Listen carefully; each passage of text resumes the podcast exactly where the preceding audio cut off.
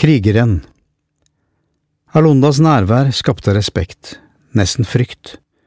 Kommandant Alonda, chef du septième brigade du Mai Mai. Lederen som FNs leder i Kivo gjerne ville møte. Krigeren som RCD-soldater og Interamboes krigere gjerne skulle slå kloa i. Mannen som skapte frykt langt utover landområdene han rådet over, satt nå tre meter unna oss i den katolske kirken i Mosoko. Mannen som litt senere på dagen skjøt to av sine egne soldater fordi de drepte en kvinne, skulte mistroisk mot oss. I god tid før hans inntreden var soldatene i gang med plassering inne i kirken. Alle måtte sitte etter rang, høvdinger først, så kapitaer, sjef de kollektivité, så videre.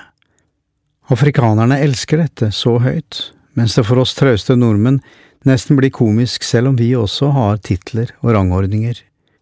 Avstanden mellom benkene var viktig, og respekten for rangstigen måtte opprettholdes. Selv satt vi på første benk sammen med våre ledere. Foran oss, på den eneste stolen i lokalet, satt den nesten to meter høye krigeren i soldatuniform og pistol i beltet. Kunne ikke si om det var en luger, men den minnet veldig. Oddbjørn og jeg hadde sterke minner om en annen soldat med luger. Bortsett fra kommandant Alunda var det bare livvakten hans som hadde våpen. Alle vi andre ble kroppsvisitert, og selv hans egne soldater måtte sette våpnene på utsiden. Ikke fordi de ville vise respekt for Guds hus, slik skikken var i Norge tidligere, da våpnene ble etterlatt i våpenhuset ved kirkens inngang, men av frykt for attentat i et uoppmerksomt øyeblikk. Mannen hadde flere fiender enn vi har bekjentskaper, og kunne ikke være forsiktig nok.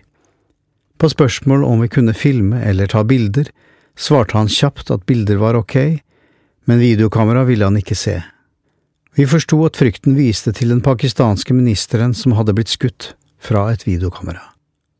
Mogisho, som fra naturens side nærmest var ribbet for diplomatiske evner, fremsto denne dagen som en veltalende, ydmyk mester i diplomati. Å legge seg ut med disse guttene var å leke med ilden. Når den andre parten er uforutsigbar, voldsom, redd og i forsvar, er man forsiktig med ord. Mens han la frem vårt ærend og ba om tillatelse til å gå videre inn til flyet, slo det meg at Salamo hadde rett, rett i at i kongers eller stormenns nærhet må man veie sine ord, ellers kan de bli brukt imot en. Her gjaldt det å veie hvert eneste ord på gullvekt. Oddbjørn var eldst av oss gutta og skulle være vår talsmann, men fordi han følte seg litt usikker på swahili, måtte jeg som den nest eldste tale familiens sak. Hva skal dere der inne? Hvorfor må dere dit? Hvem er dere? Hva gjør dere til vanlig? Har dere andre oppdrag enn å finne deres far? Er dere FN-soldater? Er dere interessert i gull og diamanter? Forstår dere ikke at hvis noe skjer med dere, vil jeg få skylden? Våre fiender vil drepe dere for at vi skal miste ære? Spørsmålene var mange, og vi forsto at dette var ingen lek. De var redde for spioner, overløpere og folk med en annen agenda enn den vi la fram. En hjelpeorganisasjon hadde fløyet inn nødhjelp til Fisi-området, som lå tre dagsmarsjer mot sørøst dagen før, og krig hadde brutt ut. Flere soldatmilitser forsøkte å få tak i hjelpesendingene og kom i kamp med hverandre.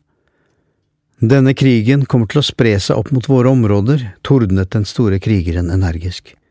Utrolig karismatisk og veltalende, tenkte jeg, og så på den store skikkelsen med de slu øynene der han tørket svetten med et lommetørkle han hele tiden holdt i hånden.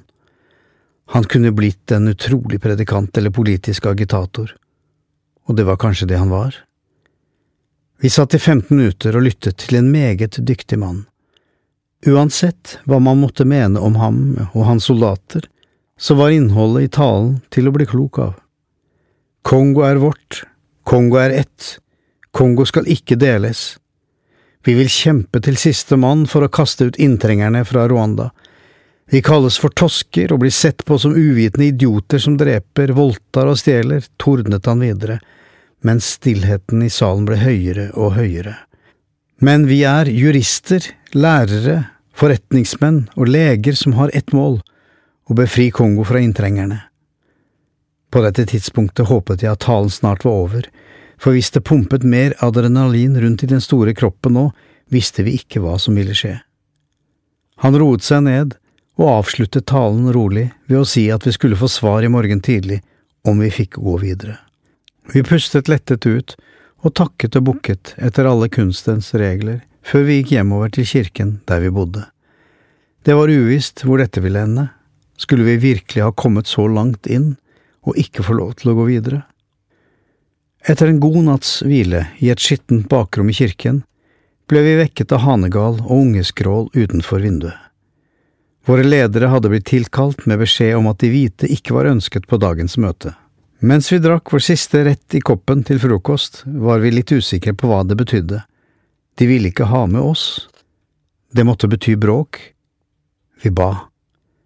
Etter bønn og frokost var det bare å vente, og timene gikk veldig sakte denne formiddagen. Vår skjebne lå i kommandant Alondas lunefulle hender.